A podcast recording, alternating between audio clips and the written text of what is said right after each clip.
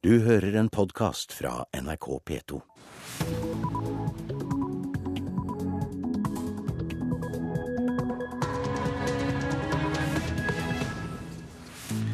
Øystein Heggen ønsker deg velkommen til Nyhetsmorgen tirsdag 10. desember. Klokka er 6.30. Dette er hovedsaker.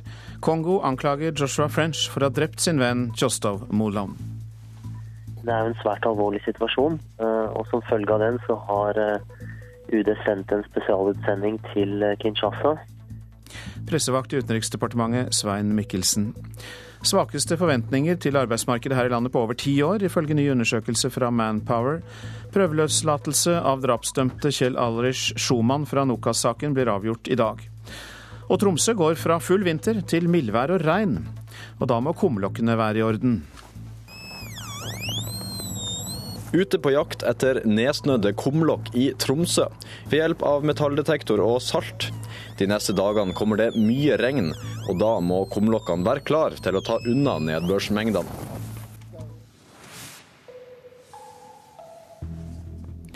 Kongo anklager Joshua French for å ha drept sin venn Kjostov Moland. Moland ble funnet død på cella i august, der han og French sonet en dom for, to, for drap. Utenriksdepartementet bekrefter at kongolesiske myndigheter har sendt en formell henvendelse om at tiltale mot French nå er tatt ut.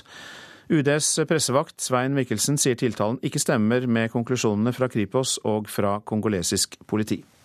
Nei, Først og fremst så stiller vi oss uforstående til, til opplysningene som nå uh, har kommet frem. Uh, det er fordi uh, Kripos på invitasjon fra kongolesiske myndigheter deltok i etterforskningen og obduksjonen etter Molands dødsfall. Og, og, Kripos og kongolesisk politi kom da frem til en felles konklusjon om at det ikke var gjort funn som skulle tilsi at det var grunnlag for mistanke om kriminelle forhold knyttet til Molands død. Så, så, på bakgrunn av dette så stiller vi oss uforstående til, eh, til tiltalen. Moland og French ble pågrepet i Kongo i mai 2009 etter at sjåføren deres ble funnet drept. Nordmennene ble dømt til døden i tre rettsinstanser. Kongolesisk politi har tidligere konkludert med at Kjostolf Moland tok sitt eget liv på fengselscellen 18.8 i år. Dødsfallet ble også etterforsket av Kripos, som konkluderte med at Moland ikke ble utsatt for noe kriminelt.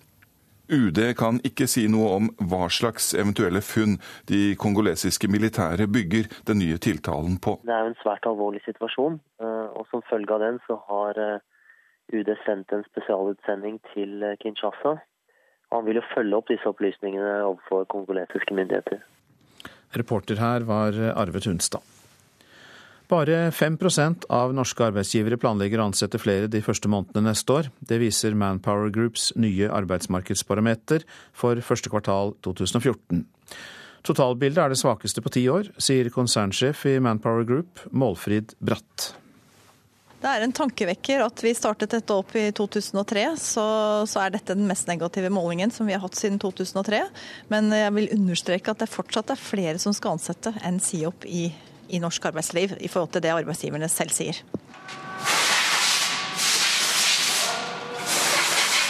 I en verkstedhall på Sørum i Akershus får fjæringene på et vogntog en overhaling etter en tøff tur på norske vinterveier. For daglig leder Harry Nilsen i Sørum Transport ser lista over kommende oppdrag bra ut. Vi er veldig sterkt inne på bygg og anlegg, eller spesielt anleggssektoren. Og nå bygges det jo mye jernbanestrekninger og veier i Norge. Så for vårt firma så ser det veldig bra ut for 2014. Men for første gang siden Manpower for ti år siden inkluderte Norge i sitt arbeidsmarkedsbarometer, venter transport- og logistikkbransjen i sum færre antall ansatte de neste tre månedene. Nilsen tror hard konkurranse fra utlandet er mye av grunnen. Utenlandske transportører med utenlandske biler og utenlandsk arbeidskraft kjører gods på innenlandsmarkedet i Norge. Det er den ene grunnen. Den andre grunnen er at norske transportører, norske lastebileiere, ikke ansetter eh, sjåfører lenger, men de leier det inn via utenlandske vikarbyråer. Og Det tredje er også at det tyder vel på at det blir en viss nedgang for neste år, generelt sett. Hvert kvartal spør Manpower norske arbeidsgivere om de venter flere ansatte, færre ansatte eller ingen endring de neste tre månedene. Undersøkelsen fungerer derfor som en indikator på hvor arbeidsledigheten er på vei. Hvert eneste kvartal siden oppstarten for ti år siden har det vært flere optimister enn pessimister. Men dette flertallet er nå det svakeste som er målt, sier konsernsjef i Manpower Group, Målfrid Bratt. Nei, Det er en tankevekker. Eh, det viser en nøkternhet, og det ser vi også for øvrig. Men det er noen bransjer som er mer positive enn andre bransjer. Men eh, det viser at nå er man litt mer avventende i det norske arbeidsmarkedet. De største optimistene finner vi i bygg og anlegg. Og undersøkelsen viser også store forskjeller fra landsdel til landsdel. I Nord-Norge så er det faktisk netto 7% som skal ansettes, så det er ganske mange flere optimister i Nord-Norge av arbeidsgivere for øyeblikket. Og det tyder på at kanskje det er noe som skjer der oppe som, som ikke andre arbeidsgivere lenger sørpå ser. Reportere her, det var Halvard Norum og Linda Reinholdsen. God morgen, Gisle Helstein. Du er leder ved Karrieresenteret ved Universitetet i Oslo. og Når du går ned til den, bort til den enkelte og gir råd, hva forteller du da om arbeidsmarkedet nå? Jeg forteller at i Norge har vi et fantastisk godt arbeidsmarked, som vi har eh, sett en vekst, som Manpower sier, de siste ti årene. Eh, og selv om kurven skulle duppe litt akkurat nå, så er det all grunn til å se lys på framtiden, slik jeg ser det. Hvordan bør CV-en og søknaden lyde hvis de skal komme gjennom nåløyet? Den bør eh, tydelig forklare hva du kan gjøre for arbeidsgiver. Den bør tydelig forklare hvorfor arbeidsgiver skal ansette nettopp deg og vise at du har forstått de behovene arbeidsgiver har. Dere har jo også kontakt med arbeidsgivere, selvfølgelig. Og eh, hva sier de om eh, jobbmarkedet? Jeg, den kontakten jeg har, har ikke avdekket noen spesiell negativitet så langt. Altså, vi har merket at trøkket er omtrent som før, og arbeidsgivere de vet at de må satse på framtiden. Så det å slutte å ansette de som er de framtidens talenter, det er en dårlig strategi. Så jeg tror at vi kommer til å oppleve et eh, ganske godt 2014 også. Du eh, skal jo gi veiledning eh, ved Universitetet i Oslo. Er det spesielle grupper der som, står, som ligger dårligere an, og som må være ekstra på vakt når de skal finne seg jobb? Det er alltid noen grupper som statistisk sett har ligget litt tøffere an i løypa enn andre. Det kan være samfunnsvitenskapelige fag, det kan være humaniora. Kjennetegnet for dem er at de kanskje ikke har en så tydelig spisskompetanse som f.eks. en profesjonsutdanning innen økonomi eller informatikk. Dersom du skal titte inn i glasskulen, eh, hva er dine tanker om eh, jobbmarkedet fremover? Og da tenker jeg ikke bare de nærmeste månedene, men litt lenger. Jeg, eh, min glasskule sier at vi skal fortsatt ha en, en, et godt marked. Jeg har registrert at noen er pessimister, og så ser jeg at andre er veldig avdempet, eksempelvis Norges Bank. Så jeg tror at vi skal eh, være forberedt på en liten oppgang i arbeidsledigheten. Men samtidig så har vi et så godt marked i Norge at eh, alle de 90-95% som skal gå ut, som da etter statistikken sier skal få jobb, de vil få det bra. Du er da leder ved Karrieresenteret ved Universitetet i Oslo, og du og dine folk, eh, hvordan opplever det studentenes holdning til arbeidsmarkedet? Er det optimisme ute og går stort sett? Ja, det vil jeg si. Eh, studentene har blitt eh, veldig flinke til å orientere seg mot arbeidsmarkedet. Og kanskje den største endringen jeg har sett, er at de har blitt mye flinkere til å se bredden i norsk arbeidsliv. Før så var det litt sånn én til én. Studerte du et fag, så skulle du få det yrket. For høyt utdannede er kanskje ikke yrke så relevant betegnelse lenger, men man ser snarere til muligheter hos mange forskjellige arbeidsgivere. Og Det har de blitt dyktige til, og jeg syns de er offensive og flinke. Og igjen, eh, er det et spesielt fag eller fagområde man bør velge når man skal starte studiene? Nei, det syns jeg er feil utgangspunkt. Eh, noen vil kanskje ha veldig sånn yrkesperspektiv. F.eks.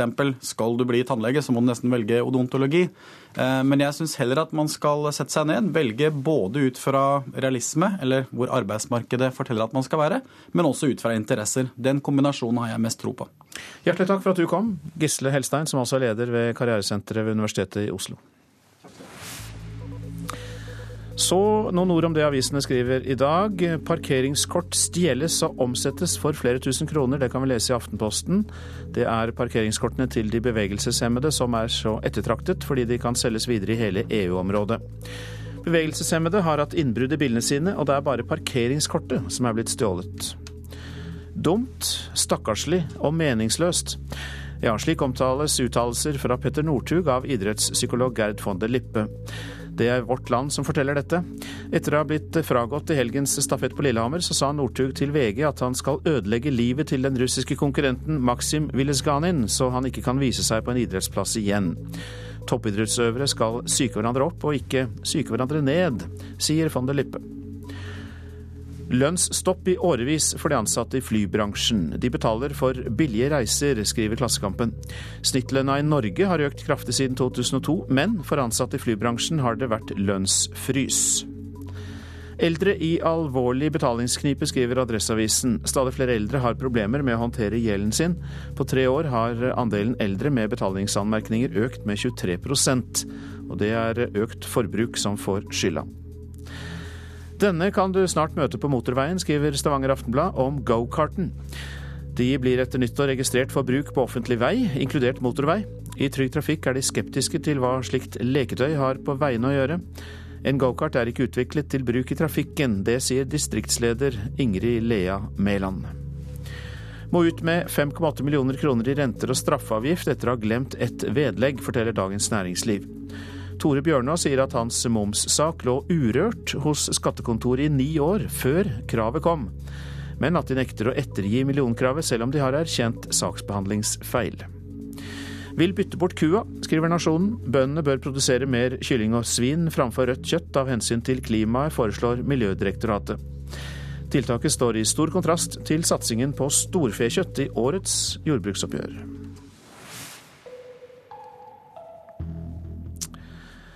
OPCW, ja, svært få hadde hørt om denne organisasjonen før den fikk Nobels fredspris. I går feiret Organisasjonen for forbud mot kjemiske våpen seg selv på Grand Hotell.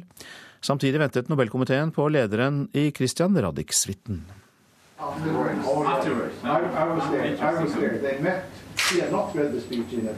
Det vi hører nå, det var Nobelkomiteen som er i Christian Radich-suiten og venter på sjefen for OPCW.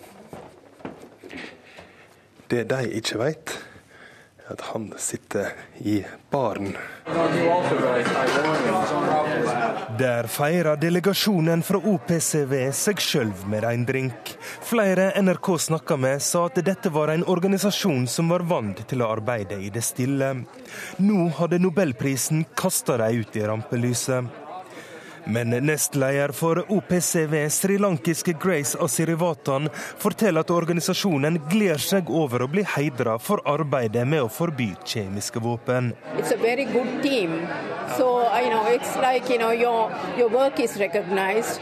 And so this is an for us to reach out to all, uh. Dette er en mulighet for oss til å nå ut til alle som arbeider med å fri verden fra kjemiske våpen, forteller hun til NRK. Uh, all, all yes, right.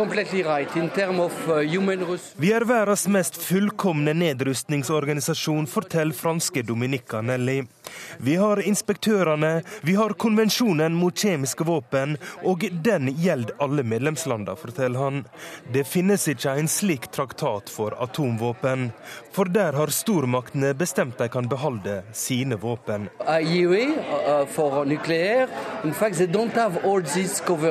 I motsetning til Det internasjonale atomenergibyrået har vi alle nødvendige verktøy i verktøykassa vår for å fjerne absolutt alle kjemiske våpen i hele verden, forteller Anneli. We have the full, the, the entire spectra of tools to allow the full disarmament on chemical weapons. Organisasjonen ble oppretta i 1997, men allerede har 190 land skrevet under på traktaten mot kjemiske våpen. Bare seks land står igjen. Likevel er OPCW en relativt ukjent organisasjon. You have Syria, that put us a little bit under the spotlight, and plus the Nobel Prize, and, and now we are... Men borgerkrigen i Syria, kombinert med Nobels fredspris, har tatt OPCW ut av skyggenes dal, forteller Dominique Anelli. Og reporter sammen med prisvinnerne på Grand Hotel, det var Roger Severin Bruland. Årets fredsprisvinner feires også på Nobels fredssenter i Oslo. I en utstilling viser organisasjonen for første gang fram bilder av hvordan de overvåker, finner og ødelegger kjemiske våpen.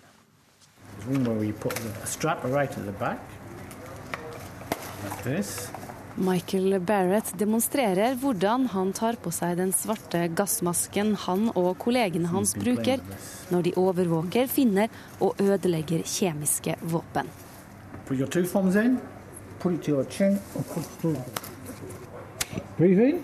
put it fits properly around the face.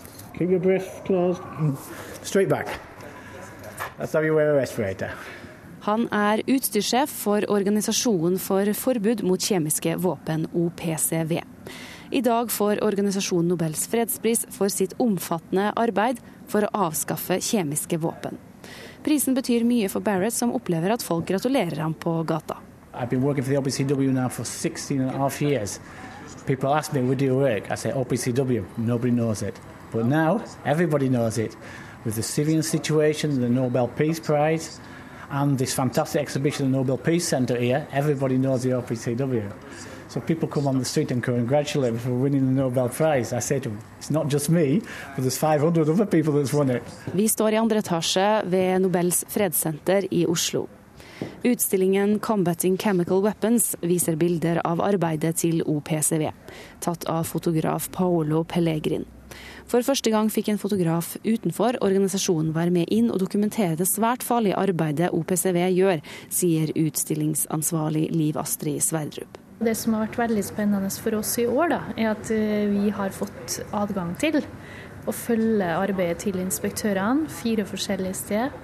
Eh, og vise egentlig bilder som aldri har vært vist før. Her ser du bilder fra Libya.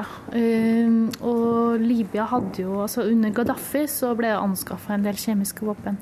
Og som du ser i det store panoramabildet her, så ser du at det er en masse bunkerser rundt omkring i ørkenlandskapet. Og i de bunkersene som egentlig fungerer som siloer, så ligger det fortsatt lagra betydelige kjemiske våpenlager. Utstyrssjef Michael Barrett håper årets fredspris vil føre til at flere land vil kvitte seg med sine kjemiske våpen. Thanks to our Director General and the staff of the OPCW and the Nobel Peace Committee, state parties are getting more and more interested in the OPCW. So we hope that the, the uh, state parties are not a member will be a member. Reporter det var Eirin Venås Sivertsen. Dette er Nyhetsmorgen. Klokka den passerte nettopp 6.47, og dette er hovedsaker. Kongo anklager Joshua French for å ha drept sin venn Kjostolv Moland. UD stiller seg uforstående til tiltalen og har sendt en spesialutsending til Kinshasa. Svakeste forventninger til arbeidsmarkedet på over ti år, ifølge ny undersøkelse fra Manpower. Bare 5% av arbeidsgiverne vil ansette flere de første månedene neste år. Paraguay er så dårlig at de aldri burde fått lov til å møte Norge i VM. Ja, det mener NRKs håndballekspert. Mer om den uttalelsen litt seinere i Nyhetsmorgen.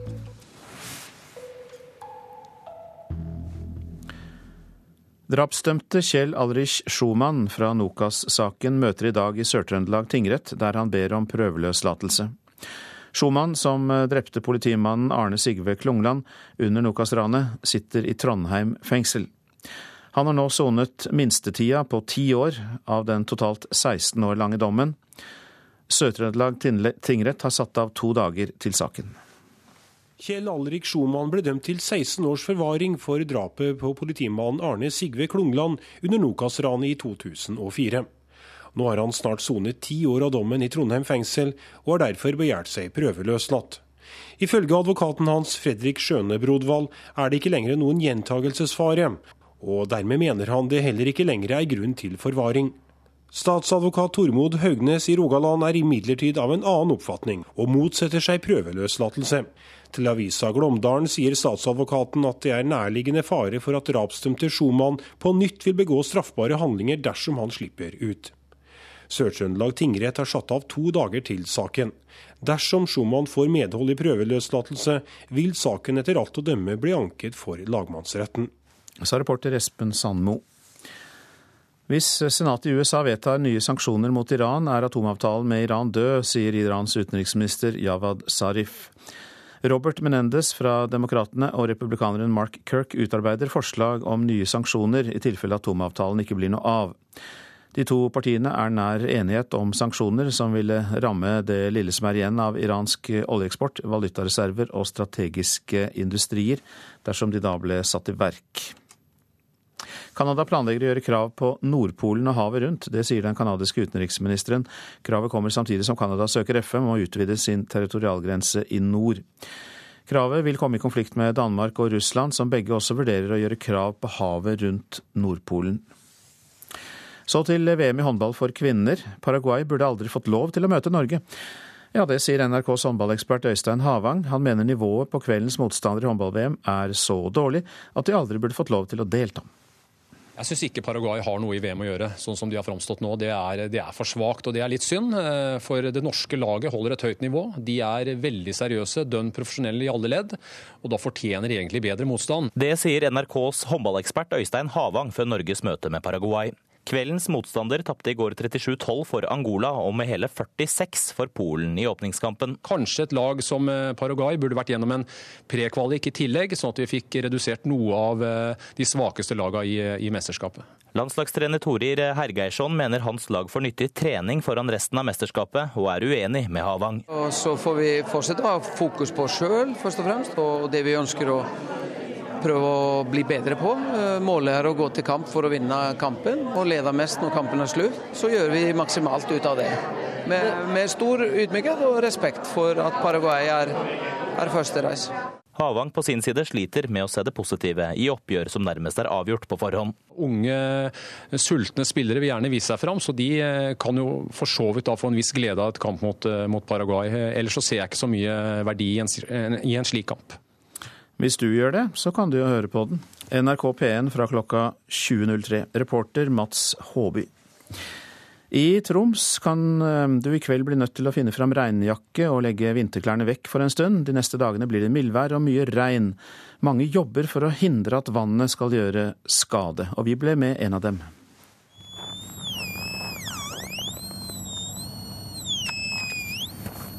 Der fant jeg sluken. Ute på jakt etter nedsnødde kumlokk i Tromsø. Yngve Lyngblad er fagarbeider på vei i Tromsø kommune. Ved hjelp av metalldetektor og salt gjør han klar kumlokkene på fastlandet. De neste dagene kommer det mye regn, og da må kumlokkene være klar til å ta unna nedbørsmengdene.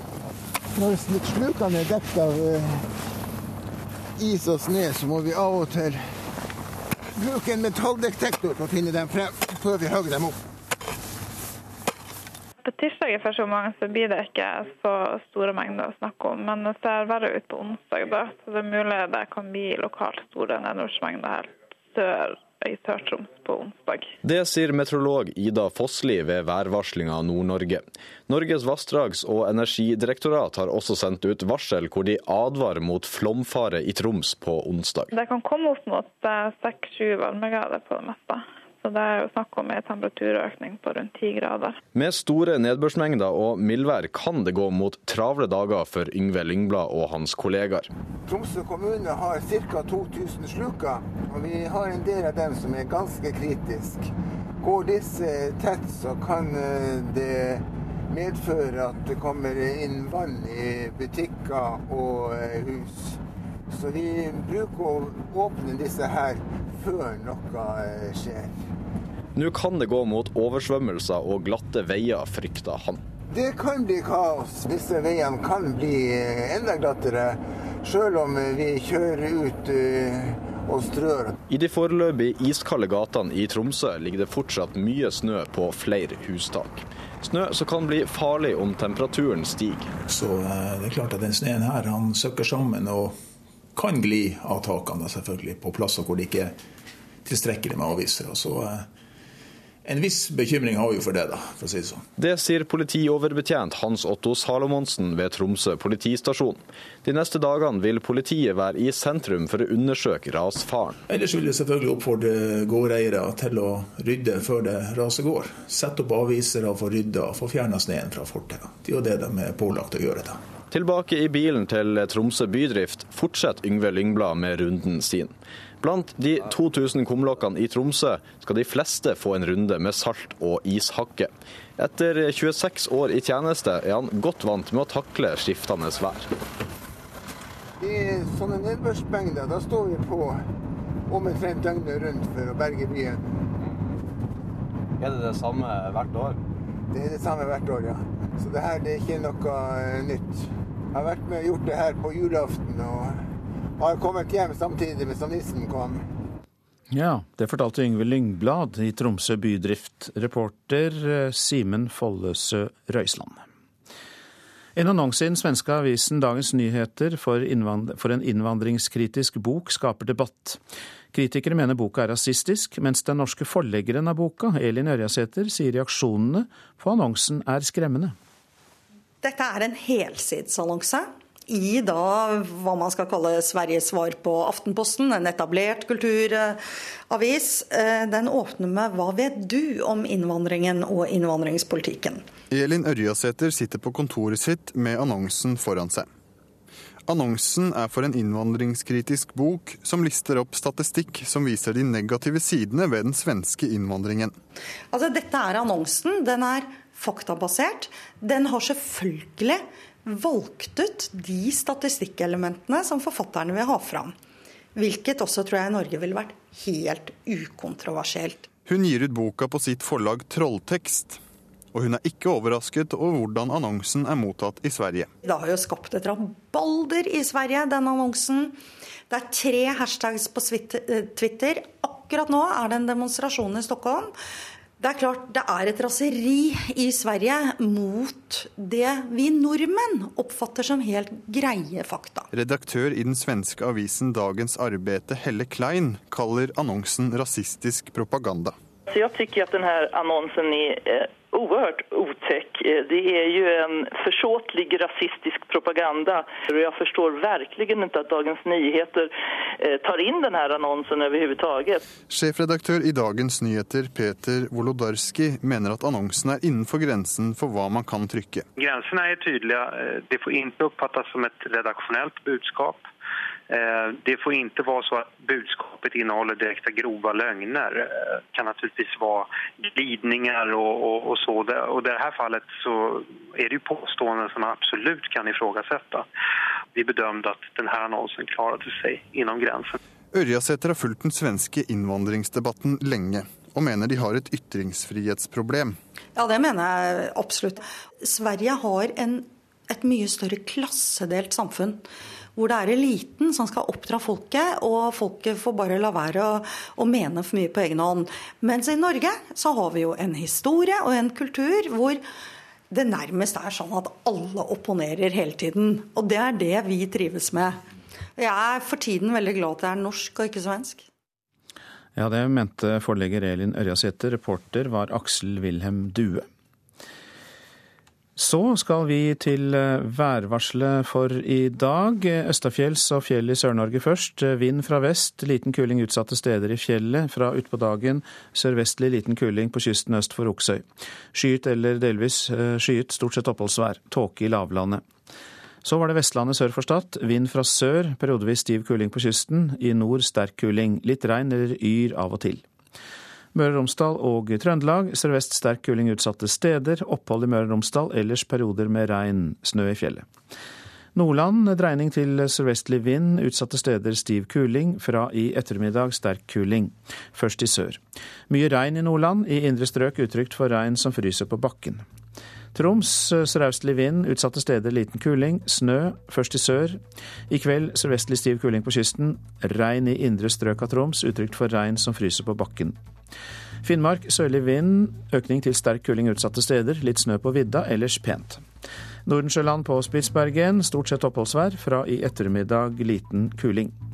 Så tar vi temperaturene målt klokka fire. Svalbard lufthavn minus seks, Kirkenes minus 19, Varde minus ni, Alta minus 11. Tromsø-Langnes minus fem.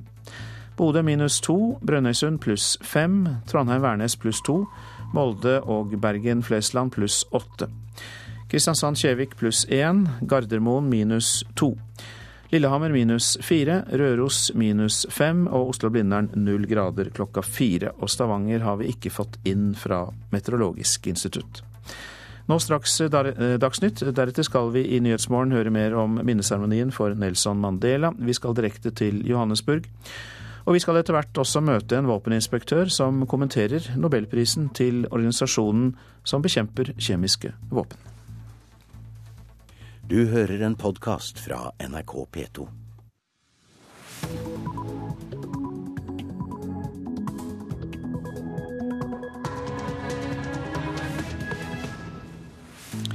Og Nyhetsmorgen skal snart til Johannesburg, der 90 stats- og regjeringssjefer altså skal hedre Nelson Mandela i dag. I Ukraina fortsetter demonstrasjonen i bitende kulde i hovedstaden Kiev. I dag mottar generaldirektør Ahmed Usumci Nobels fredspris på vegne av Organisasjonen for forbud mot kjemiske våpen.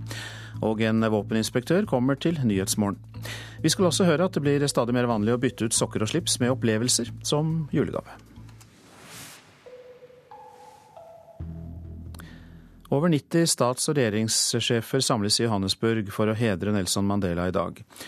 Og det har lokalbefolkningen gjort i mange dager.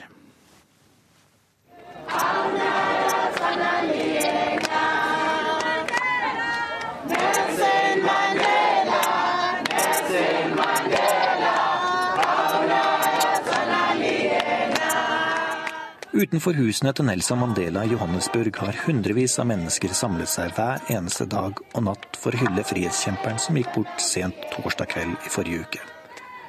Hver eneste dag dukker det opp nye ting som selv ikke de som bor i nabolaget har sett før. Ja, og det, det her tror jeg er eh, en ny Dette er Maria Vestlund. Hun driver et vandrehjem i Soveto sammen med sin mann Lebo og sine to små barn. De bor bare noen få hundre meter fra Mandelas hjem, som nå er et museum. Det var liksom en hendelsesutvikling som har ja, altså det har forandret fra time til time, fra dag til dag. Man, alle funderer på hvilke sett kan vi hedre Nelson Mandela på. Og I dag hylles han med kanskje et av de største og mest omfattende arrangementene verden noensinne har sett. Nesten 90 statsoverhoder og regjeringssjefer vil ta plass på den gigantiske fotballstadion i Soveto. Samme sted som han holdt sin første tale etter løslatelsen i 1990, og der det ble holdt en annen minneseremoni for en av ANCs ikoniske ledere, Oliver Tambo, i 1993. Nå er det Tata Madiba det skal tas farvel med. En av de største lederne verden noensinne har sett. Ja, jeg tror at jeg, even om jeg har bodd her nå flere år og og jeg vet så klart alt som Nelson Mandela stod for, men jeg tror at jeg som, jeg, jeg tror at man, man måtte være sydafrikan man måtte ha vært fra her for å virkelig liksom forstå denne følelsen av hvordan det kjennes når han har gått bort. Jeg, jeg tror ikke at jeg at, at jeg 100% forstår, even om jeg, jeg kjenner har mye känslor og jeg vet precis hva han stod for, alt det positiva og så klart närheten av bo i Soveto så nära den här gatan där han bodde och där så mye hendelser utvecklades som har å gjøre med Sydafrikas demokrati og frihet i dag. Men jeg tror at kommer man härifrån som Levo då, då den här känslan är närmre på något sätt och det, det är nog då man känner att no, no, det är en viktig person i våra liv som verkligen har gått bort. Det tror jag många, många känner.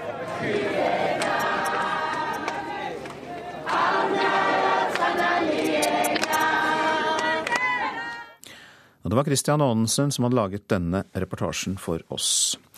Ja, over 80 000 sørgende er ventet til minneseremonien i Johannesburg, og Afrikakorrespondent Lars Sigurd Sunnana, hvordan er det å være der? Nei, Nå regner det så det blir en eh, våt opplevelse for de titusener av sørafrikanere som nå i formiddag kommer til å stå i kø for å slippe inn på dette stadionet. Eh, mange har jo allerede stått der hele natt for å være sikre på å få plass. Så det er klart at dette blir vått, men det er noe de ikke vil unngå. Og mange synes vel også at regnværet passer på en dag som denne, når motgangen til Nelson Mandela skal feires. Hva mer kommer til å skje i dag? Kan du gi oss noen flere detaljer? Ja, det blir jo en, et, en, en minnehøytidelighet over fire timer med en lang rekketale. Selvfølgelig så vil jo Sør-Afrikas president Jacob Zuma være hovedtaleren, men så kommer jo også Barack Obama, Brasils president Dilma Rousef og ikke minst Cubas president Raúl Castro. Hans bror Fidel var jo en av de sterkeste kritikerne av apartheidregimet. Og så skal da eh, Nelson Mandé, fire av hans barnebarn, holde taler. Og det samme skal en av hans kamerater fra fangeleiren Robben Island utenfor eh, Cape Town. Ja, Vi hørte jo reportasjen her at folk finner stadig nye måter å hedre Mandela på i disse dagene. Hva sier vanlige folk til deg om eh, Mandela og minneseremonien? Ja, De ser frem til den, og den skal jo også overføres da til 90 forskjellige steder i Sør-Afrika hvor det er satt opp storskjermer, så folk kan få samlet seg og vise ham respekt på den måten ved å følge denne store begivenheten som nå skal skje om i snart tre timer. For ordens skyld, Lars Sigurd Sunnanå, Norge er også representert. Vi må ha med oss det? Ja da, kronprins Haakon er kommet, og det samme er statsminister Erna Solberg. Men det er også to som ikke kommer til denne store minnehøytideligheten. Den ene er fredsprisvinneren Dalai Lama, som Sør-Afrika ikke har gitt visum av frykt for at dette skal irritere den store samarbeidspartneren, handelspartneren Kina. Og så kommer heller ikke eh, Israels statsminister Benjamin Netanyahu. Og det sies jo at det er fordi man er redd for at det skal bli demonstrasjoner. Det var ofte tette bånd mellom den israelske regjeringen og det hvite apartheidregimet i Sør-Afrika. Ja, Det minner oss jo om dette med sikkerheten. Hvordan er den, Sunna, Sunana? Ja, Den skal være godt ivaretatt. I tillegg til Sør-Afrikas eget politi og sikkerhetsstyrker, så har de respektive statslederne og regjeringssjefene tatt med seg sine sikkerhetsfolk. Så dette har vært godt planlagt over tid, og, og man regner med at dette skal gå bra. Mange takk, Afrikakorrespondent Lars Sigurd Sunnana fra Johannesburg. Nå til Kiev. Der holder fremdeles tusenvis av demonstranter stand på Maidanplassen i bitende kulde, etter at politiet har begynt å presse dem bort fra regjeringsbygningen. I går kveld gikk uidentifiserte politifolk til aksjon mot partiet til den fengslede eksstatsminister Julia Timosjenko. Og Moskva-korrespondent Hans-Wilhelm Steinfeld, du er eh, med oss. Fortell mer om det som skjedde i går. Jo, ifølge eh, partiet eh, Fedrelandet, som Julia Timosjenko har vært leder av, kom der politifolk i sorte kamuflasjeuniformer med finlandshetter, beslagla PC-er, rev ned dører og tok seg til rette i partihovedkvarteret. Kiev-politiet har sagt de ikke har hatt noe med dette å gjøre. Det hemmelige politiet eller sikkerhetspolitiet har foreløpig ikke kommentert det, men dette kan nå være en provokasjon det er nok av falske politifolk i uniform både i Ukraina og Russland.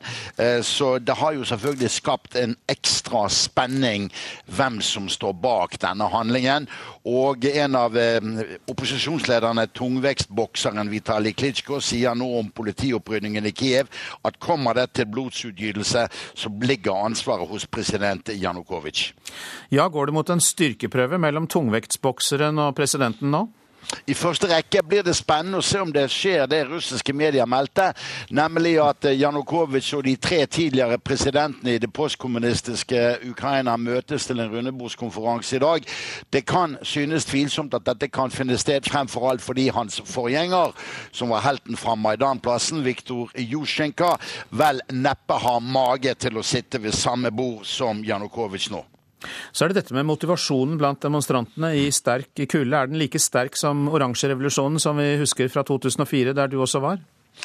Ja, det som er ekstra nå, er at også russisk etnisk ungdom er svært skuffet over at eh, visumfriheten til EU-området med arbeidsmuligheter og studiemuligheter røyk. Og dermed så er nok misnøyegrunnlaget kanskje bredere nå enn det var for ni år siden, da Janukovitsj måtte gå av etter valgfusk som president. Samtidig høres jo rop på den russiske hær. Det kan virke noe skummelt. Er det en fare for det? Jeg tror ikke det. For under OSSE-utenriksministermøtet i Kiev forrige uke så sa Russlands utenriksminister at skreller du av retorikken, så er han trygg for at EU eh, anerkjenner Ukraina som en suveren stat. Og jeg tror heller ikke russerne er inne på en tanke om at de skulle blande seg inn militært. Til det ville faren for krig være for stor. Så hvor sterkt er eh, Janukovitsjs eget fysiske maktapparat for å holde dette stangen? Bortsett fra det generelle politiet, så har han nok kontroll med sikkerhetsorganene.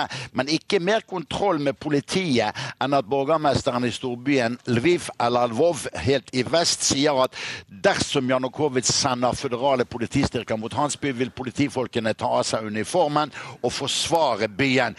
I tillegg må man huske at russerne utgjør bare 27% av befolkningen i Ukraina, og det er et stort spørsmål hvor lojal hæren ville være mot denne presidenten presidenten hvis det virkelig kom til konfrontasjon.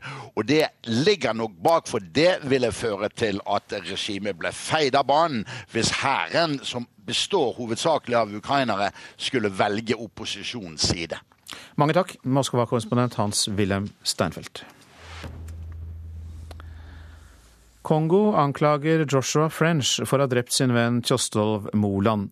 Moland ble funnet død i cella i august, der han og French sonet en dom for drap. Utenriksdepartementet bekrefter at kongolesiske myndigheter har sendt en formell henvendelse om at tiltale mot French er tatt ut. UDs pressevakt Svein Mikkelsen sier tiltalen ikke stemmer med konklusjonene fra Kripos og heller ikke fra kongolesisk politi. Først og fremst stiller vi oss uforstående til, eh, til opplysningene som nå uh, har kommet frem. Uh, det er fordi uh, Kripos på invitasjon fra kongolesiske myndigheter deltok i etterforskningen og obduksjonen etter Molands dødsfall. Og Kripos og kongolesisk politi kom da frem til en felles konklusjon om at det ikke var gjort funn som skulle tilsi at det var grunnlag for mistanke om kriminelle forhold knyttet til Molands død. Så På bakgrunn av dette så stiller vi oss uforstående til, eh, til tiltalen. Moland og French ble arrestert i Kongo i mai 2009 etter at sjåføren deres ble funnet drepen. Nordmennene ble dømte til døden i tre rettsinstanser.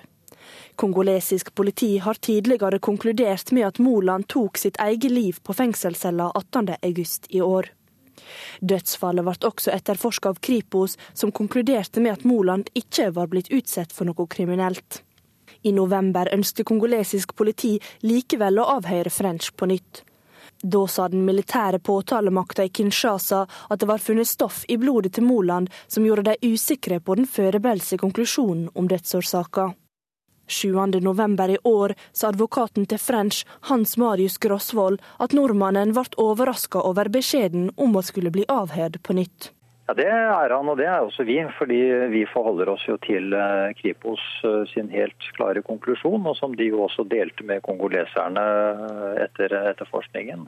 Hvor også kongoleserne ga sin tilslutning til Kripos sin konklusjon. Så dette er overraskende. UD kan ikke si hva eventuelle funn det kongolesiske militæret nå bygger den nye tiltalen på. Det er jo en svært alvorlig situasjon, og som følge av den så har UD sendt en spesialutsending til Kinshasa han vil jo følge opp disse opplysningene overfor kongolesiske myndigheter. Reporter her, det var Marte Halsør.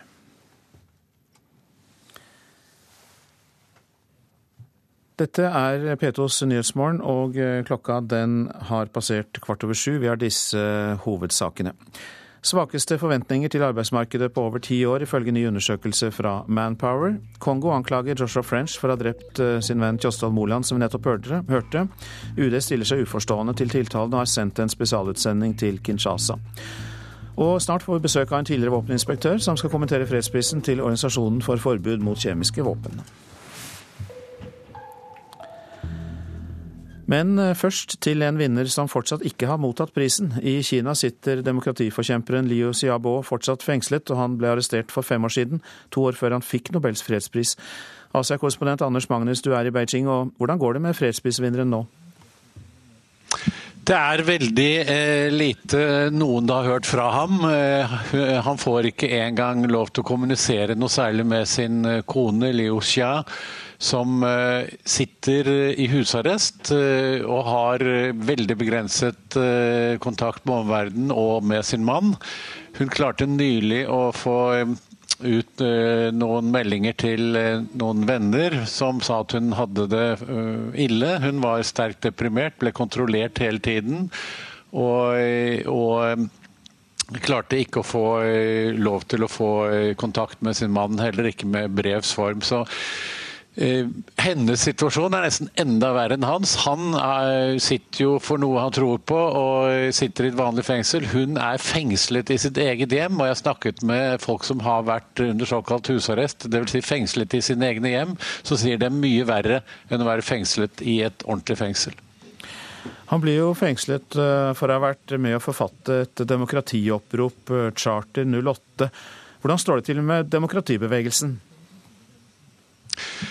Den bevegelsen som han var en del av, og som det var 2000 eh, intellektuelle som eh, undertegnet på, på, dette oppropet, eh, de har det gått veldig dårlig med. Det er mange av dem som har blitt fengslet og sittet i kortere eller lengre tid i arrest, kanskje husarrest, fengsel. Mange har blitt torturert, mange har mistet jobben. Det er mange ledende intellektuelle som eh, gjerne er økonomer eller har helt andre typer stillinger, som har blitt sagt opp eh, fra jobbene sine som professor ved universitetet nå i de senere årene, lenge etter at dette oppropet ble, ble publisert online i, 2000, i desember 2008.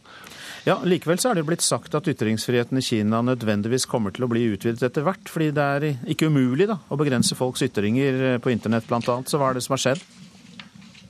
Det har nå kineserne motbevist. Eh, den gang, eh, i 10.12.2008, så kunne altså dette charteret publiseres på internett i Kina. I dag ville det vært helt utenkelig.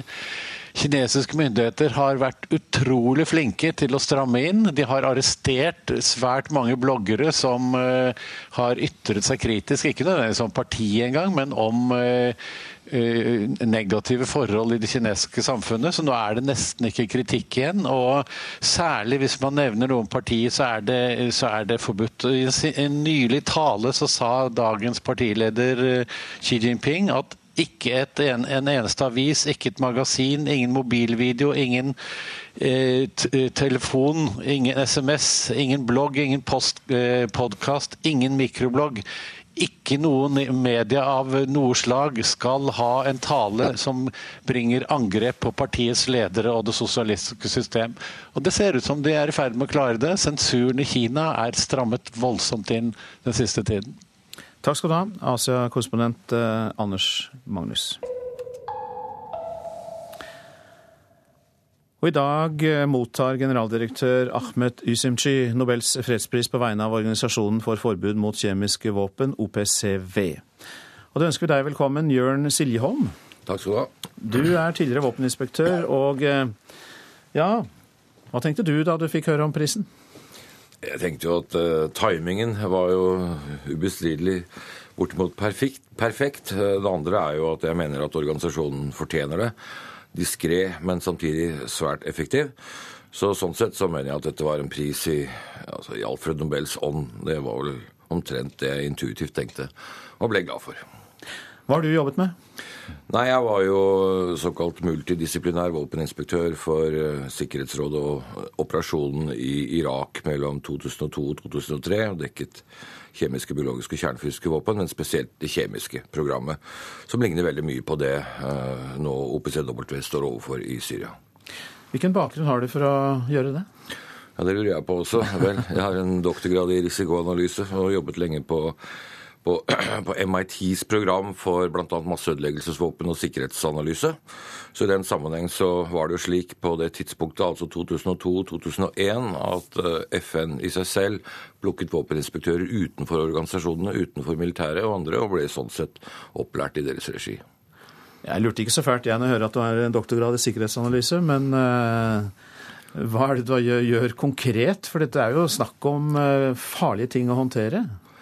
Utgangspunktet er jo man har sagt Mandatet for disse organisasjonene er jo såkalt eh, search, find and destroy. Og litt avhengig av eh, forholdene så ønsker man egentlig ikke militarisere det. Det var viktig å sørge for at det ikke dreide seg om spionasje, at det ikke dreide seg om en operasjon som da nær sagt tilhørte en av spesielt eh, P5, eller medlemmene i Sikkerhetsrådet, men at det var en nøytral operasjon i regi av FN. Og Sånn sett så skulle vi se sivile ut, og det var vi på mange måter, men samtidig være midt oppe i en veldig konflikttruende situasjon. Når dere har funnet våpnene, hvordan klarer dere å ødelegge dem? Nei, Det er jo flere måter å gjøre det på. Vi hadde jo litt enklere situasjon teknisk sett enn det nå OPCW står overfor, fordi vi hadde mindre begrensninger på hvordan vi kunne gjøre det. Vi hadde jo tilfeller hvor Vel, spesielt tidlig, da. Irak 2002 spesielt, hvor 80% av våpnene til Irak ble ødelagt på 18 måneder. Så var det veldig mye spørs spørsmål om å sørge for å eksplodere, skråstrek brenne disse tingene på de rette stedene, særlig i ørkenen. Og Da kunne man lage et stort hull i bakken, kaste ting oppi der og sørge for at det var nok diesel, og at det ikke kunne eksplodere av seg selv og tenne på. Hvis man er glad i kraftige eksplosjoner, så var det stedet å være, åpenbart. Det var fint på nyttårsaften. men, men, det kan dere ikke gjøre lenger nå, var det det? Nei, og det, det, er jo på den ene side veldig bra fordi det er et sikkerhetspoeng. På den andre side så er det sånn at det kan jo risikere å redusere fleksibiliteten til operasjonen. For det er ikke nødvendigvis farlig. Og jeg må jo si også at uh, med utgangspunkt spesielt da, i den tidlige fasen, så var det vel knapt noen som ble eh, drept av å gjøre det på den måten. Eh, men det er klart det er ikke noe ønskelig fremgangsmåte, og sånn sett så har jo OPCW klart å gjøre ting på en veldig ordentlig måte. Men nå står de midt i en krigssituasjon i Syria, og vel takket være spesielt Russland og USA så vil de nok lykkes eh, med å gjøre dette her, men nær sagt uten de så ville dette vært veldig vanskelig. Spesielt eh, Russlands bidrag i forhold til Syrias program, som i veldig stor grad også er russisk. Og eh, tror du at tidsfristen 31.12. Eh, blir mulig å nå? Den eh, er vi vel ikke så sikre på. Nå har Norge bl.a. bidratt kraftig eller godt for at vi skal kunne transportere våpnene ut når man er først kommet til havnebyen hvor den skal skipes ut. Men vi har jo en veldig altså, Situasjonen i Syria er jo veldig alvorlig.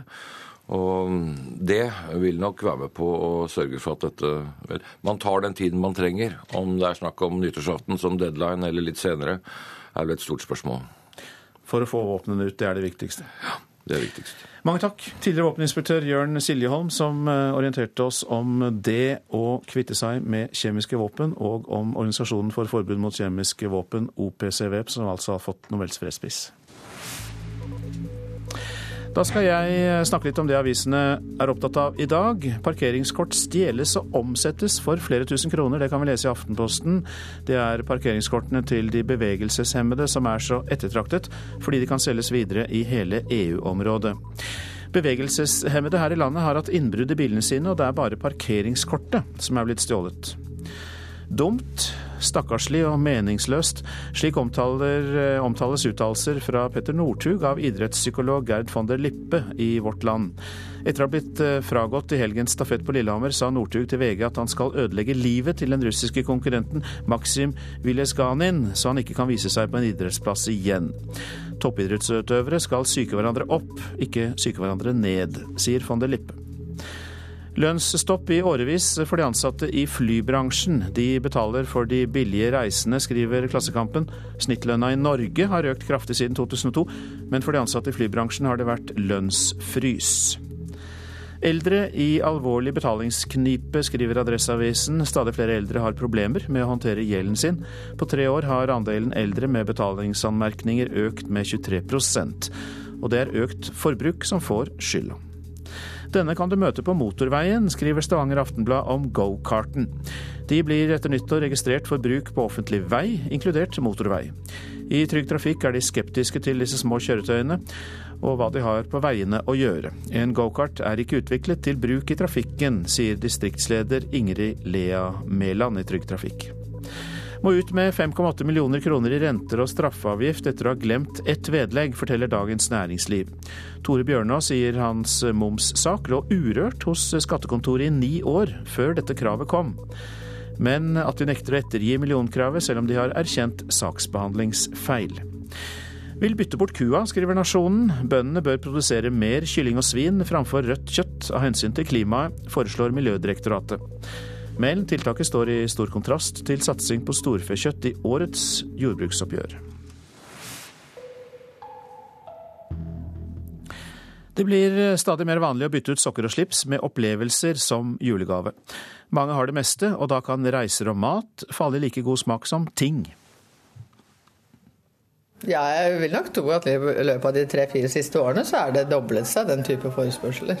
Og forespørslene administrerende direktør hos Berg-Hansen på Sørlandet, Edith Øslebø, snakker om, er folk som ønsker å gi bort feriereiser i julegaver. Nei, vi har de siste årene merket at flere og flere kjøper julegavekort, og i tillegg så kjøper de kanskje en felles tur til kan være Amerika, Afrika eller en langreise ofte, som de da ønsker å dele med resten av familien sin, så de har en ferdig pakke klar til julaften, som er en felles gave til familien. I stedet for å gi pakker under tre, så får de da en invitasjon til en felles reise. Er det overraskende? Vi leser stadig vekk at folk har nok av ting, og de ønsker seg noe litt mer spennende. og Derfor tror jeg dette å gi opplevelse i gave er en fin måte å møte den trenden på. da. Men opplevelser under treet kan være langt mer enn bare reiser. Vi stikker innom restauranten hos naboen i Kristiansand og prater med medeier Espen Albert. Gavekort til jul er i vekst både på, i restaurant- og opplevelsesindustrien. Det tror jeg vi kan skrive under på. Har vi blitt trøtte og lei av duker og vaser? Nei, men jeg tror kanskje vi er blitt flinkere til at eh, vi har, det, vi har så mange ting og har det så materielt godt at det å gi hverandre gode opplevelser i ulike former kan være vel så positivt som en ting som kanskje blir satt i hylla. Hvordan tror du utviklingen vil bli på dette området framover, da? Eh, jeg tror det er i stadig vekst og kommer til å være det fremdeles. Eh, absolutt. Det har ikke vært mulig for NRK å få konkrete tall på hvor stor økningen av opplevelsesjulegaver har vært de siste årene. Men også ved Sørlandsbadet i Lyngdal sier daglig leder Atle Homme at de siste årene har det økt betydelig. Mange kjøper mye ting i løpet av året av ting de ønsker seg og ting de har behov for. Og økonomien til familier synes at det er bra. Og slik sett altså, så blir sånn aktiv opplevelse det blir en litt sånn spesiell ting. Og det er kanskje en ny trend som gjør at folk kjøper heller dette i stedet for en vase eller litt kakefat. Det kan jo være at noen får en sånn gave som egentlig ikke ønsker seg den? da? Ja, Det er selvsagt, eh, men det vil, det vil gjelde i alle typer gaver. Om du får et eh, kakefat eller toalettveske eller en bok, så, så, så gambler du litt på julegavene. Og, og, slik sett så tror jeg ikke det at misnøye med å få en aktiv opplevelse er annerledes enn andre ting som du kan bomme eller treffe på. Og så helt til slutt, for deg som kanskje ikke vet hva du skal gi bort i julegave, og i tillegg har litt penger til overs. Klarer du å slå denne fra Berg-Hansen? Ja, vi har jo hatt familier som har tatt med seg 20 stykker på cruise cruise i Karibien og Disney World, og da river de jo litt i lommeboka. Det er noe til julegave, vil jeg si. det er det. ja, denne reportasjen var laget av Yngve Stiansen. Du lytter til Nyhetsmorgen. Vi skal oppleve et tysk julemarked i reportasjen etter Dagsnytt. Kommunalminister Jan Tore Sanner og KS-leder Gunn Marit Helgesen møtes til debatt i Politisk kvarter. Produsent for Nyhetsmorgen i dag, Ulf Tannes Fjell. Her i studio, Øystein Heggen. Og om eh, få sekunder, Dagsnytt.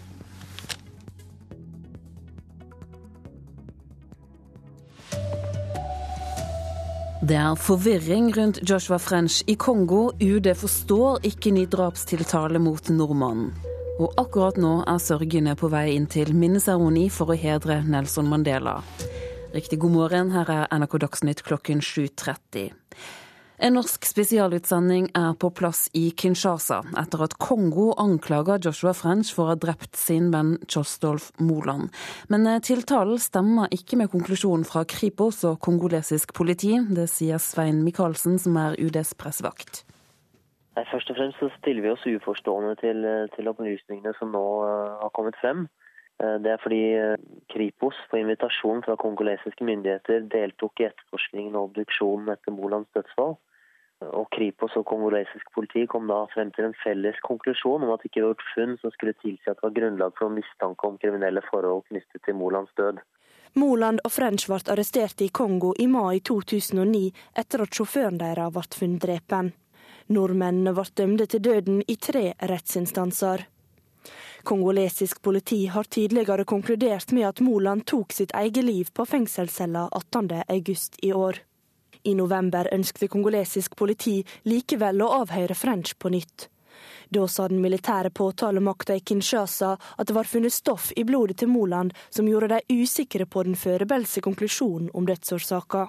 7.11. i år sa advokat Hans Marius Grosvold at French ble overraska over beskjeden om å skulle bli avhed på nytt. Ja, Det er han, og det er også vi. Fordi vi forholder oss jo til eh, Kripos eh, sin helt klare konklusjon, og som de jo også delte med kongoleserne eh, etter etterforskningen. Så dette er overraskende.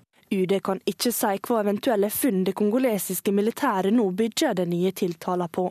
Det er jo en svært alvorlig situasjon, og som følge av den så har UD sendt en spesialutsending til Kinshasa. Han vil jo følge opp disse opplysningene overfor kongolesiske myndigheter. Reportere var Marte Halsør og Harald Berre. I dag samles over 90 av verdens statsledere og regjeringssjefer i Johannesburg for å ta farvel med Nelson Mandela. Det skjer i Soveto, et nabolag der det hver eneste dag dukker opp nye hyllester til den berømte frihetskjemperen.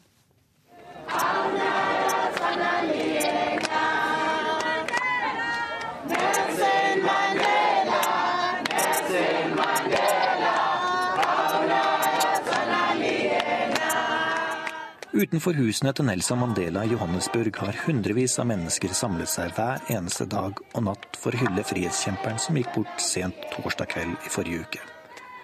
Hver eneste dag dukker det opp nye ting som selv ikke de som bor i nabolaget har sett før.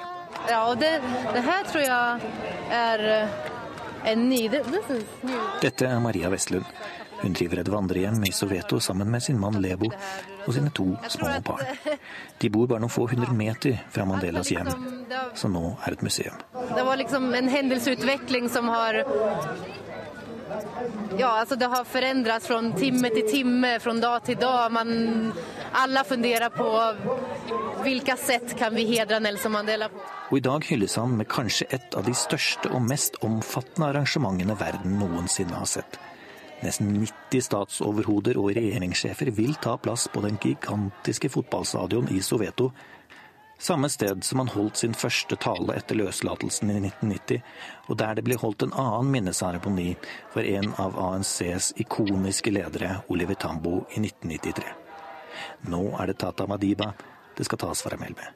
En av de største lederne verden noensinne har sett. Ja, jeg tror at jeg, even om jeg har bodd her nå flere år og og jeg vet såklart alt som Nelson Mandela stod for, men jeg tror at jeg som, jag, jag tror att man, man måste vara sydafrikan, man måste ha varit från här för att verkligen liksom förstå den här känslan av hur det känns när han har gått bort.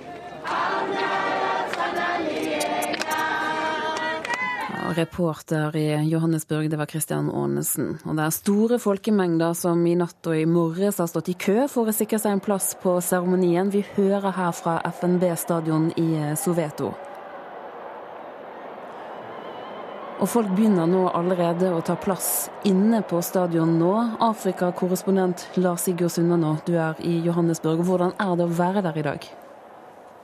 Nei, Det er en stor opplevelse og en spesiell opplevelse å se og følge nå hvordan folk kommer til å prøve å ta seg inn på dette fotballstadionet i et pøsende regnvær. Eh, noe de selv syns egentlig kanskje passer på en dag som denne, når Nelson Mandela skal minnes. Men det blir en stor eh, minnemarkering og en opplevelse når den starter nå om to og en halv time med en åpningstale av Sør-Afrikas president Jacob Zuma. Og så kommer da dignitærene i rekke. Barack Obama skal holde tale. Brasils president Dilma Rousseff skal holde tale. Og så skal også da Cubas president Raúl Castro eh, entre talerstolen. Fordi hans bror Fidel Castro var en av de sterkeste kritikerne av det hvite apartheidregimet. Men så skal også fire av hans barnebarn entre talerstolen, og det samme skal en av hans kamerater fra Fangara, Robben Island. Og innimellom så vil det jo da bli musikk, dans og kulturinnslag over en lav sko. Lars Sigurd Sundane i Johannesburg, takk for at eh, du var med oss. Eh, og det er altså slik at Ledere fra flere 90 land altså hyller Nelson Mandela i dag. Vi skal hjem igjen, for norske bedrifter er blitt mer pessimistiske. De har de svakeste forventningene til nyansettelser på over ti år, ifølge Manpower Groups arbeidsmarkedsbarometer.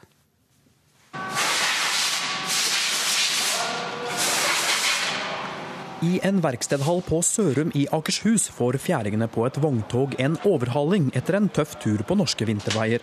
Daglig leder Harry Nilsen i Sørum Transport har nok å gjøre.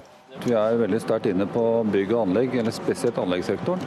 Og nå bygges det jo mye jernbanestrekninger og veier i Norge. Så for vårt firma så ser det veldig bra ut for 2014. Men for første gang siden Manpower i 2003 begynte å spørre norske arbeidsgivere om forventninger til antall ansatte de neste tre månedene, venter transport- og logistikkbransjen i sum nedbemanning. Nilsen tror usikkerhet om norsk økonomi og hard konkurranse fra utlandet er blant årsakene. Utenlandske transportører med utenlandske biler og utenlandsk arbeidskraft kjører gods på innenlandsmarkedet i Norge. Ser man alle bransjer under ett, er det fortsatt flere bedrifter som venter å ansette flere enn det er bedrifter som venter å ansette færre. Men forventet bemanningsvekst er nå den svakeste som er målt på ti år, sier konsernsjef i Manpower Group, Målfrid Bratt. Det viser at nå er man litt mer avventende i det norske arbeidsmarkedet. Reportere her var Halvard Norum og Linda Reinholdsen. Om få timer deles Nobels fredspris ut i Oslo, til en organisasjon få hadde hørt om før de fikk fredsprisen. Assisterende generalsekretær i OPCV, Grace Asirvatom, sier de er svært glade for den oppmerksomheten som fredsprisen gir rundt kampen mot kjemiske våpen. This is an opportunity for us to reach out to all uh, you know, stakeholders. Dette er en mulighet for oss til å nå ut til alle som arbeider med å fri verden fra kjemiske våpen, forteller hun til NRK. Uh, all, all yes, right. uh, Vi er verdens mest fullkomne nedrustningsorganisasjon, forteller franske Dominica Nelly. Vi har inspektørene, vi har konvensjonen mot kjemiske våpen, og den gjelder alle medlemslandene, forteller han. Det finnes ikke en slik slik traktat for atomvåpen, for der har stormaktene bestemt de kan beholde sine våpen. Og det sa reporter Roger Severin Bruland. Og både fredsprisutdelingen og minneseremonien for Nelson Mandela kan du følge hos oss her i NRK, både på radio, TV og nett. Fotballtrener Ståle Solbakken har aldri tapt en hjemmekamp i gruppespillet i Mesterligaen, selv om FC København allerede er ute av Mesterligaen før kveldskamp mot Real Madrid, håper den norske treneren at det kan bidra til å overraske. Ja, jeg tror at gutta bærer det med seg, selv om det er ikke så mange av dem som har vært med på alle de, så, så bærer de på en måte den eh, statistikken og følelsen eh, med seg. Eh, og den har nok vært litt til hjelp. Kveldens oppgjør mot gigantmotstanderen Real Madrid kan bli Ståle Solbakkens niende hjemmekamp i Mesterligaens gruppespill uten tap.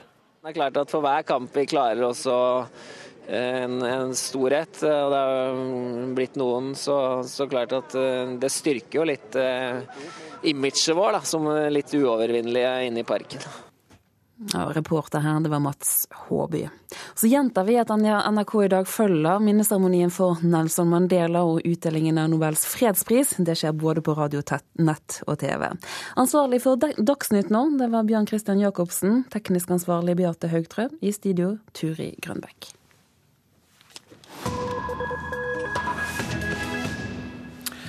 Og vi skal til tysk julefeiring. Nå i adventstiden preges byer og småsteder over hele Tyskland av en flere hundre år gammel tradisjon, julemarkedene.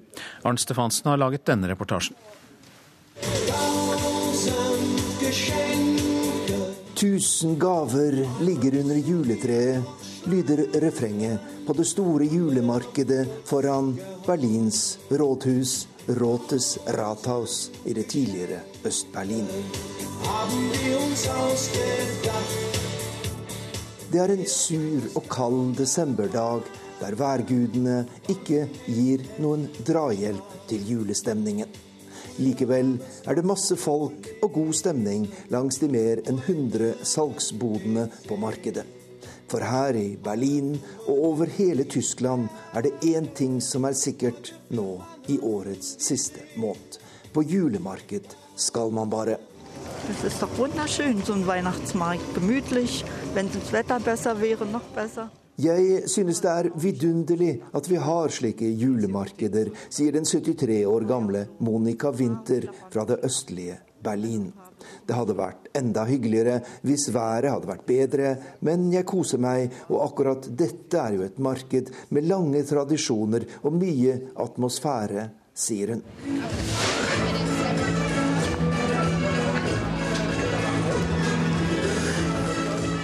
Sølvsmykker, søte frukter, peruansk kunsthåndverk, brente mandler, håndlagede vokslys.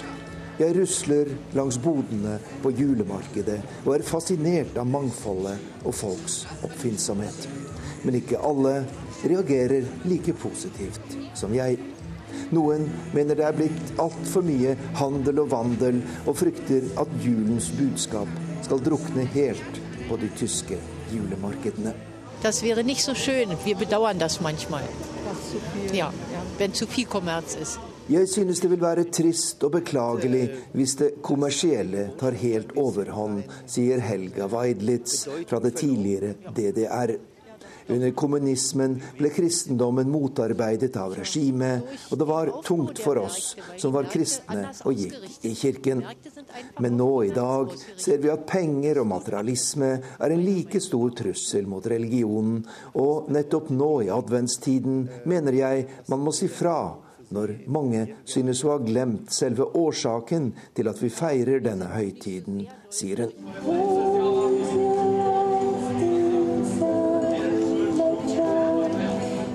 Tyskland er julemarkedslandet fremfor noen. Og i ukene før jul holdes det over 2000 slike markeder over hele landet. Tradisjonen går helt tilbake til senmiddelalderen, da handelsmenn satte opp salgsboder i flere tyske byer og tilbød kjøttvarer og annen viktig næring for vinteren. Det første julemarkedet ble holdt i Dresden i det herrens år 1434, og markedet finnes fortsatt.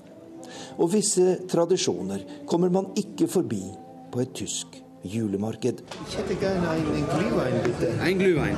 For drei Euro. Ja, sind 6 Euro, weil 3 Euro Pfand. En glühwein, eller gløgg, hører selvsagt med. Og her på markedet ved Råtes Rathaus får man den i to varianter. Normal, laget på rødvin, og en kraftigere utgave tilsatt en solid dose sprit.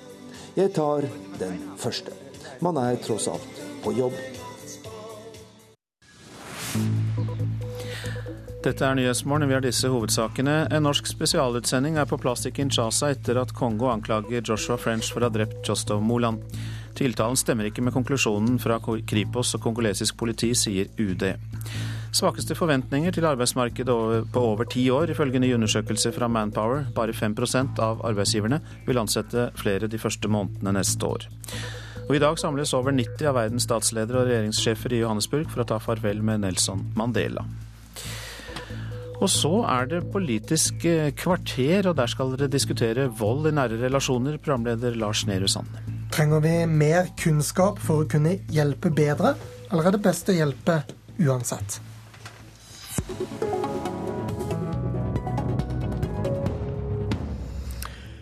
Fysisk vold, seksuell vold eller psykisk vold. Vi skal snakke om vold i nære relasjoner. For i vår la Stoltenberg II-regjeringen frem den første stortingsmeldingen om temaet. I mai var Høyre og Frp enige med de rød-grønne i at samfunnet trenger mer kunnskap. Men i dagens budsjettdebatt så skal Høyre og Frp-regjeringen forsvare viktige kutt til undersøkelse, kunnskapsinnhenting og statistikk. Barneminister Solveig Horne, hvordan forsvarer du det? Først så tror jeg vi skal være veldig forsiktige med å beskylde hverandre for kutt når, når vi gjør noen omprioriteringer som vi gjør i dette budsjettet. Og Regjeringen er veldig opptatt av kunnskap, men vi er òg opptatt av handling. Og Det som er viktig nå, det er å gi de barna som blir utsatt for vold og overgrep, hjelp akkurat nå.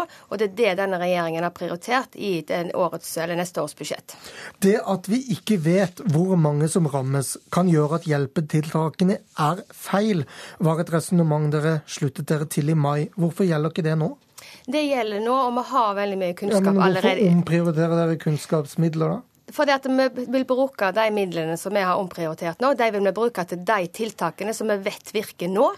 For vi har en del kunnskap, men så er jeg helt enig at vi trenger mer kunnskap. Og det skal vi komme tilbake til igjen senere i budsjettet. Men for denne regjeringen var det nå viktig å benytte oss av den kunnskapen vi allerede har, og sette inn de ressursene der vi trenger det, for å hjelpe de voldsutsatte barn som, har, som trenger hjelp nå.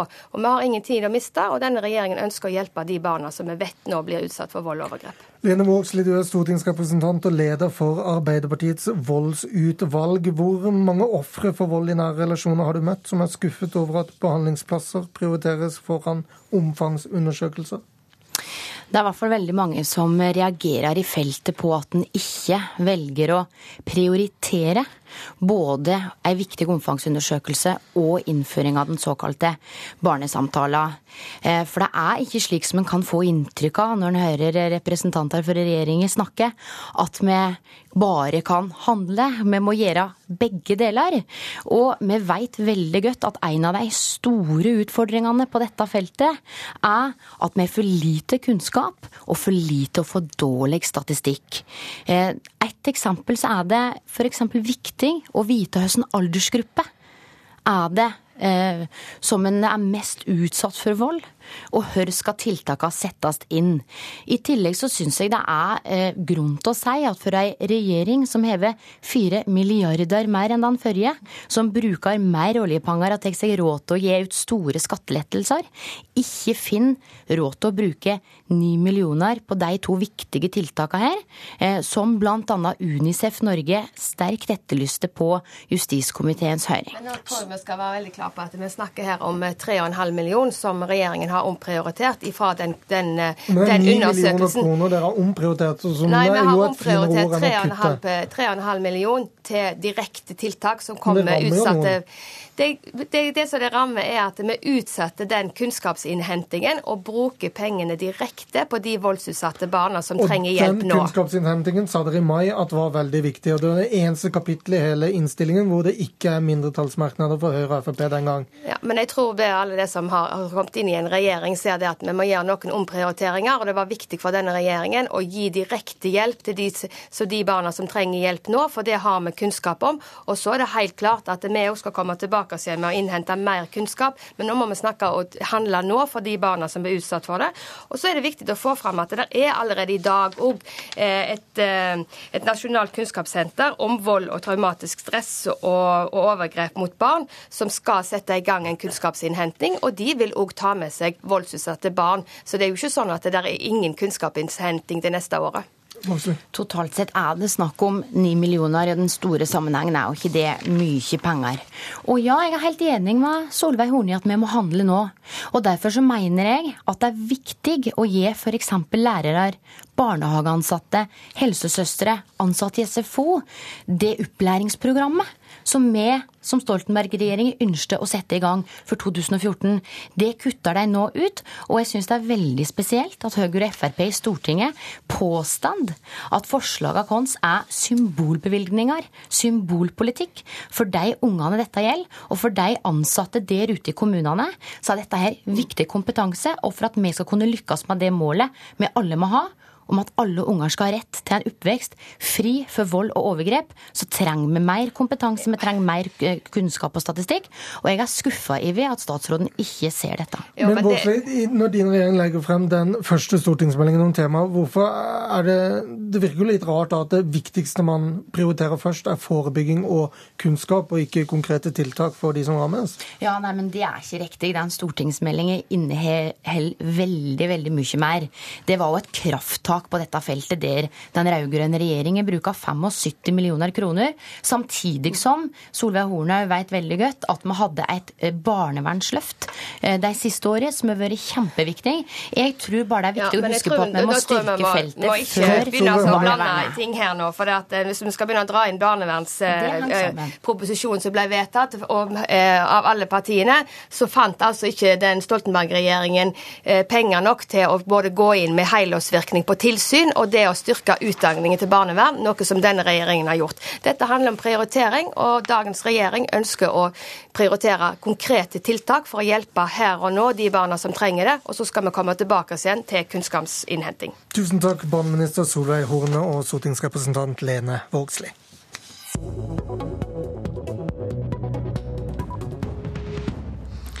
Nå til en statsråd som innynder seg som best han kan, og vi lurer på hvor konstruktiv motpart han egentlig møter. Kommunalminister Jan Tore Sanner har vært på smisketur til Kommunenes hus og KS. KS-leder Gunn Marit Helgesen, du er med oss på linje fra Telemark. Hvilken rolle skal dere spille fra KS sin side i Sanners store kommunereform? Jeg tror eh, både regjering og storting er helt avhengig av å ha med en eh, konstruktiv kommunesektor for å lykkes med en så stor og viktig reform. Og Det betyr at kommunene må trekkes inn fra dag én. Både kommunene som eh, skal diskutere oppgaver og grenser og bosetting og hvilke kriterier som skal være på plass for at man skal åpne eh, en vellykka reform, men også KS på vegne av kommunesektoren. Dere har medlemskommuner i alle landsdeler, store og små, rik og fattig, tett og spredt befolka, ordfører fra samtlige partier og bygdelister. Hvordan skal du som KS-leder og KS som organisasjon klare å være konstruktive uten å tråkke noen av deres egne på tærne? Hvis vi starter med eh, å diskutere hvilke oppgaver som skal eh, løses, og hvilke betingelser og hvilke kriterier regjeringen legger til grunn for at disse oppgavene skal løses på en god måte, så tror jeg faktisk at vi skal klare å være konstruktive. Vi ser allerede nå at mange kommuner setter seg ned og snakker sammen. Hvordan kan vi løse de utfordringene vi står overfor? Hvordan kan vi tenke oss grensene? Hvilke kommuner kan tenkes å ha et så godt samarbeidsklima at de kan slå seg sammen? denne prosessen er allerede i gang. Så hvis eh, regjering og storting kommer med konkrete uh, oppgaver som skal diskuteres, at man virkelig mener noe med å overlevere uh, oppgaver fra, og makt fra stat til kommune og fylker, uh, og også selvfølgelig leverer økonomi slik at det er mulig å løse oppgavene, så tror jeg dette er mulig å få til. Jan Tore Sanner, kommunalminister med oss her i studio i Oslo. Hva har du fått ut av samtalene med KS så langt? Vi hadde et uh, veldig godt møte sist uh, fredag, og jeg møtte lokalpolitikere fra alle partier som var opptatt av å finne løsninger til beste for sine innbyggere. Og det er uh, stadig flere kommuner som ser at de må bli mer robuste. Både for å kunne ta mer ansvar, få flere oppgaver, og også kunne sørge for at man har sterke nok fagmiljøer til å gi eldre, barn, skoleelever, personer med rus og psykiske helseutfordringer gode tjenester. Må huske at det er 50 eh, år siden vi gjennomførte en kommunereform sist. Det er eh, skjedd store endringer både i samfunnet og i antall oppgaver kommunene har. Nå er tiden inne til å diskutere hvordan strukturen skal være de neste 20-30 årene, slik at vi kan sikre våre innbyggere de best mulige tjenester. Ligger det noe i at jo mer medgjørlige KS og kommunene er, jo større makt kan kommunene klare å få ut av din reform? Ja, Nå er det ikke min reform, dette skal bli kommunenes reform eh, for å bidra til at innbyggerne får gode, gode tjenester. Eh, men jeg tror nok det var fint sagt. Jo, men, det, det, jo, men det, det er hele, hele, poenget. Eh, for det skal ikke tegnes noe kart på kommunalministerens bord. Dette skal tegnes i, i Kommune-Norge, og vi er helt avhengig av, av gode lokale prosesser og lokal forankring. Men jeg tror nok at vi står overfor et, et valg. Eh, og det er enten at vi over tid vil få en sterkere statlig styring for å sikre de svakeste i samfunnet best mulig tjenester, eller at vi får mer robuste kommuner som kan ta mer ansvar og få mer selvstyre. Jeg ønsker det siste. Jeg ønsker å desentralisere, flytte makt til kommunene, for jeg tror det gir de beste tjenestene. Men uten mer robuste kommuner, så tror jeg vi vil se en sentralisering av makt i årene som kommer. Gunn Helgesen, vi kan legge til at du også er Høyre-politiker, i tillegg til å være KS-leder. Eh, hvor mye vilje til å tegne et kart eh, er det hvis KS får i pennen? Nei, KS eh, kommer ikke til å tegne noe kart. Eh, dette er, eh, dette er, avhengig av hvilke oppgaver man skal løse, og hvilke prosesser man klarer å få til ute i kommunene. Det er faktisk ganske viktig å se på både bosettingsmønster, areal og samarbeidsklima der ute. Og jeg tror at det å ta kommunene på alvor, at de er med i denne prosessen og faktisk er med på å definere hvilke samarbeids koalisjoner og hvilke grenser, grenser man skal ha for den nye kommunen, er helt avgjørende for å lykkes. Men er kommunene og medlemskommunene dine klare til å gjøre det? Mange er nok det, men det er klart man er også avventende i forhold til hva regjering og storting ønsker. og Det er klart det vi har sagt er at eh, det må være en klar begrunnelse, et formål, og så må man ha tydelig ramme for denne prosessen. Eh, og det er klart at Hvis man får flere oppgaver, eh, mer lokalt selvstyre og økonomi som gjør at man kan faktisk levere gode oppgaver, så er jeg helt overbevist om at dette er interessant for veldig mange kommuner. Jan Realiteten er jo at veldig mange kommuner i dag ikke er robuste nok til å kunne løse dagens oppgaver, men løser oppgavene gjennom om interkommunalt samarbeid, som i realiteten innebærer at du flytter oppgaver og ansvar bort fra lokaldemokratiet. Slik at bare for å løse dagens oppgaver, så trenger vi mer, mer robuste kommuner. Jeg tror nok de fleste ser at de utfordringene vi nå står overfor, eh, både i forhold til flyttemønster, eh, i forhold til en eldre, aldrende befolkning, de utfordringene går ikke over av seg selv. Det betyr at kommunereformen kommer heller ikke til å gå over av seg selv. Men vi, vi må velge om vi skal gjennomføre en reform nå mens vi kan og mens vi bør, og hvor vi også har muligheten til å smøre reformen, eller om vi skal vente til vi kommer i mer tvangssituasjon kanskje om 10-15 år. Jeg opplever at eh, det er en politisk vilje, en tverrpolitisk vilje til å gjennomføre reformen nå, og jeg ser frem til et godt samarbeid med både KS og kommunene i årene som kommer. Men Fortell oss da hva du har tenkt å gjøre på nyåret og i løpet av 2014. Vi hører KSR er spent på, på hva storting og regjering kommer med. Ja, nå har vi eh, startet med å ha et eh, møte med de politiske partiene på, på, Stortinget. og Vi skal fortsette dialogen med dem for å diskutere selve, selve, prosessen. Så setter vi i gang et arbeid nå for å se hvilke oppgaver som kan, kan flyttes. Eh, et eh, momentum som kommer fra nesten alle kommuner, er at man ønsker mer selvstyre. At man føler at staten stadig, ofte, stadig oftere overprøver kommunene, særlig i arealsaker. Jeg ønsker at kommunene skal ha et større, eh, større ansvar i arealsaker, men da må de også ha kompetansen. Mange kommuner ønsker å overta ansvaret for de videregående skolene for å se eh, skolene i sammenheng. Mange kommuner ønsker også et større ansvar for barnevern. Alt dette skal vi se på. Og vi må også diskutere de økonomiske virkemidlene, slik at flere kommuner ønsker å slå seg sammen. Tusen takk, Gunn Marit Helgesen og Jan Tore Sanner. Vi bryter nå inn mot slutten av sendingen med en viktig beskjed fra FrPs kulturpolitiske talsmann Ib Thomsen i anledning en historisk avstemning i Stortinget i dag. Dette er en hilsen til alle P2s lyttere fra Frp på Stortinget. I dag stemmer Fremskrittspartiet for TV-lisensen for første gang. Det er 15 kroner billigere enn Stoltenberg-regjeringen. Hvordan føles det? Uh, nei, det er ikke noe god følelse, men det som jeg syns er positivt, det er at vi nå skal få en sak til Stortinget som vil se på en alternativ betalingsordning for uh, dette med lisens. Kan vi ordne dette på en annen måte som gjør det billigere for seere og lyttere? Det er ikke sikkert det blir en vane, altså? Nei, det er ikke helt sikkert. Dette er nok noe vi ønsker å jobbe hardt med, og nå kommer vi i gang nå på nyåret med dette. Så dette blir spennende å se om vi får til å redusere enda mer. Thomsen, Frp. Dette var Politisk kvarter. Mitt navn er Lars Nehru Sand. Petro gir deg mer kultur for lisenskronene, om du var i tvil. Du har hørt en podkast fra NRK P2.